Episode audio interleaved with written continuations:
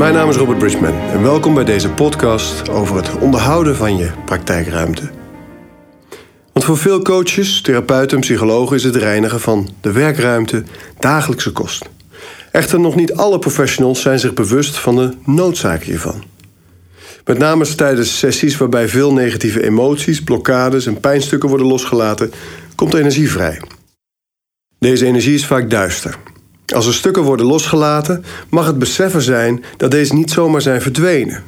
Emoties, blokkades, trauma's, gedachten en pijn- of woedestukken, persoonlijkheidsdelen, entiteiten zijn dingen. En ieder mens heeft dit soort pijnstukken. Losgekomen energie en entiteiten verbinden zich hieraan. Als deze uit de persoon worden verwijderd, betekent het dat ze van locatie veranderen. Ze zijn niet weg, ze zijn alleen maar verplaatst. Neem bijvoorbeeld de methode EFT of Touch of Matrix of de Sedona Method, uitgelezen voor bovengenoemde stukken. Ze staan erom bekend dat ze veel vuile energie genereren. Er ontstaan risico's wanneer de vrijgekomen energie niet wordt getransformeerd. Zo kan het zijn dat de professional deze energie zelf overneemt. Dus jij als coach, therapeut, psycholoog zelf met de stukken van je cliënt gaat lopen. Of dat bijvoorbeeld collega's of huisgenoten of buren ermee worden belast. En wat ook veel gebeurt is dat de volgende cliënt de stukken van de vorige cliënt overneemt. Bovendien geeft negatieve energie in de ruimte vaak een zwaar gevoel. Meestal is het zelfs zichtbaar doordat de lucht als het ware dikker wordt. En gevoelens van moeheid, onrust en weerstand kunnen ontstaan en ook de neiging om de ruimte te willen verlaten. Het goed schoonmaken op energetisch vlak is dus essentieel voor een goede praktijkvoering. Je kunt een aantal maatregelen nemen om je werkruimte zuiver te houden. Een eerste is het creëren van een vortex boven de stoel waar je cliënt zit. Of ja, in je hele ruimte. En er zijn verschillende soorten vortexen en er zijn verschillende manieren om deze te maken. Een manier is door met je armen gespreid in hoog tempo rondjes te draaien op één plek, op de plek waar je de vortex wil zetten. Je houdt de bewuste intentie dat je een vortex creëert en terwijl je dit doet, en als de energie op een hoogtepunt is en jij op maximale snelheid draait, hef je je armen en gezicht ineens naar boven waarbij het geluid maakt. De energie schiet hierdoor naar boven en de vortex staat. Programmeer de vortex vervolgens als volgt. Ik wijd deze vortex aan het allerhoogste, aan licht en liefde. Laat deze vortex alle energie die vrijkomt opzuigen, transformeren en in liefde terugsturen naar de bron. En zo is het. Je kunt de vortex onderhouden door regelmatig weer opnieuw de intentie in te spreken of haar zelfs weer helemaal opnieuw in te zetten. Tip 2. Reinig je praktijk na elke sessie. Er zijn verschillende manieren om je praktijk van negatieve energieën te verlossen.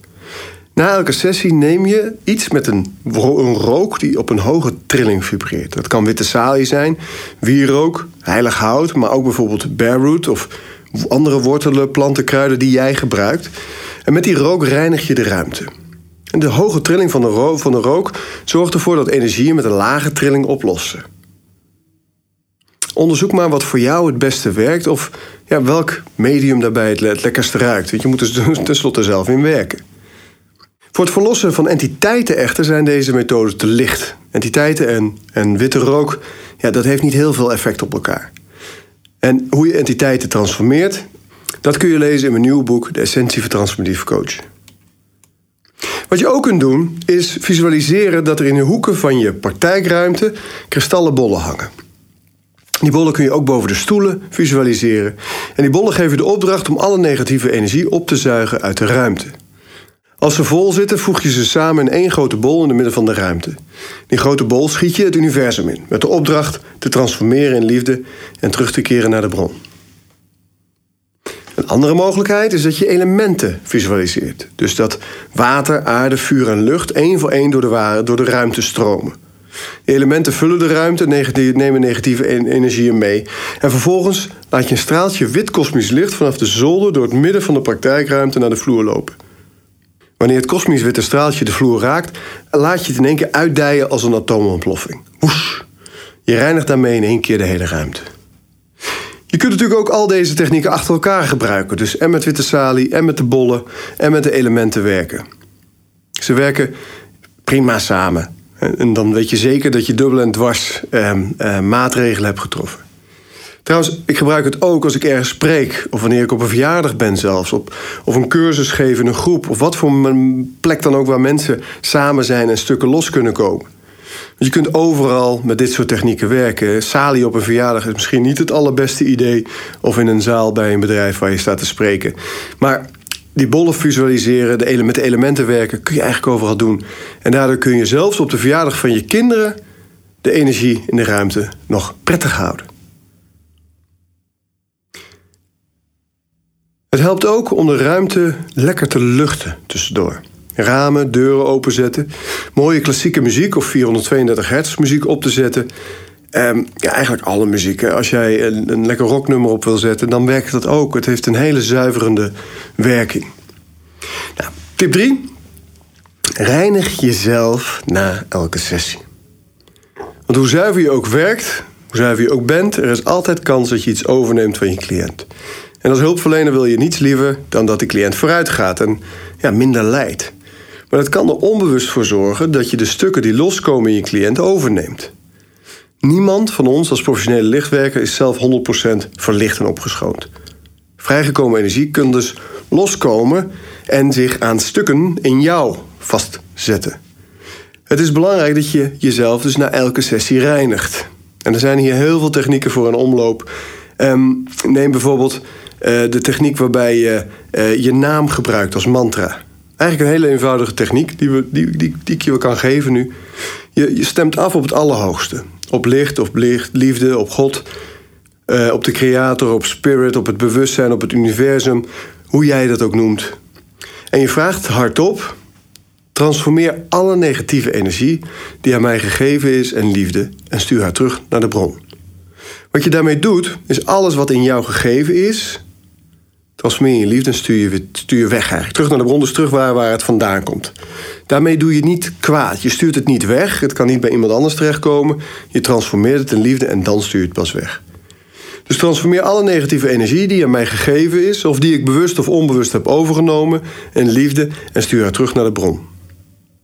Dan herhaal je drie keer je naam als mantra. Drie keer je naam. Dus ik zou kunnen zeggen Robert Bridgman, Robert Bridgman, Robert Bridgman. Of als het op een andere laag zit, Robert Bruggeman, Robert Bruggeman, Robert Bruggeman.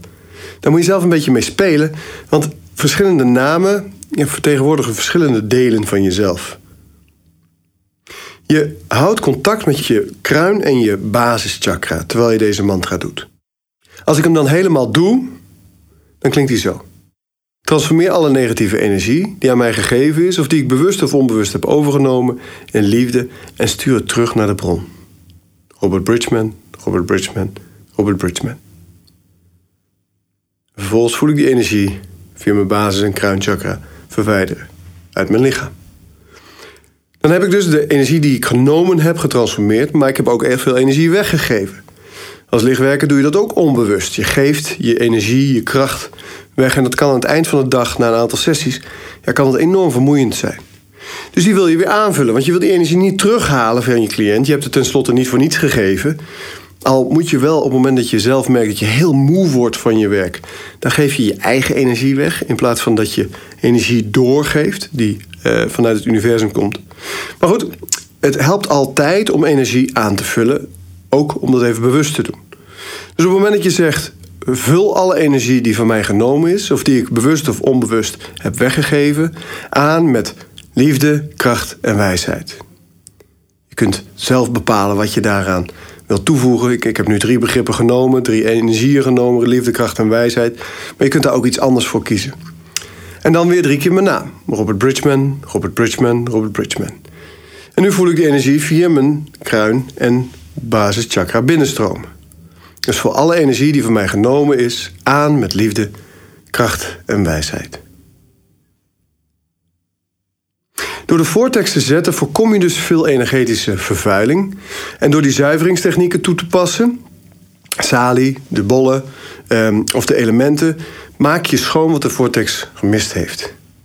Door vervolgens jezelf schoon te maken na elke sessie, voorkom je dat je met de rommel van je cliënt over straat gaat. Deze drie basistechnieken kun je ook gebruiken om huizen of gebouwen te reinigen um, van negatieve energieën. Nou, zo ik zei al, als je daar entiteiten tegenkomt, um, lees dan even wat verder in mijn boek transformatief coachen. We besteden er ook veel aandacht aan in bijvoorbeeld onze coachopleiding. Ja, het steeds reinigen van je praktijkruimte kan best wel wat vragen als het gaat om discipline en motivatie. En toch zal je merken dat het voor jou en je cliënten een wereld van verschil maakt. Want werken in een dikke brei negatieve energie is vervelend en vermoeiend. Of je het nou wel of niet bewust doorhebt dat het er is.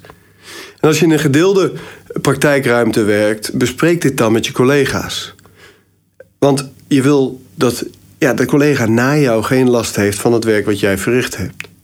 En als je bijvoorbeeld een praktijkruimte huurt en je niet weet wie de, de huurder voor je was, doe dan standaard voor de sessie ook een schoonmaakactie. Dankjewel voor je aandacht en voor het luisteren naar deze podcast.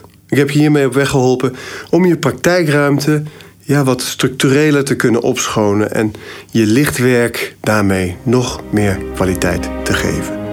Keep going for the good of all. En tot de volgende keer.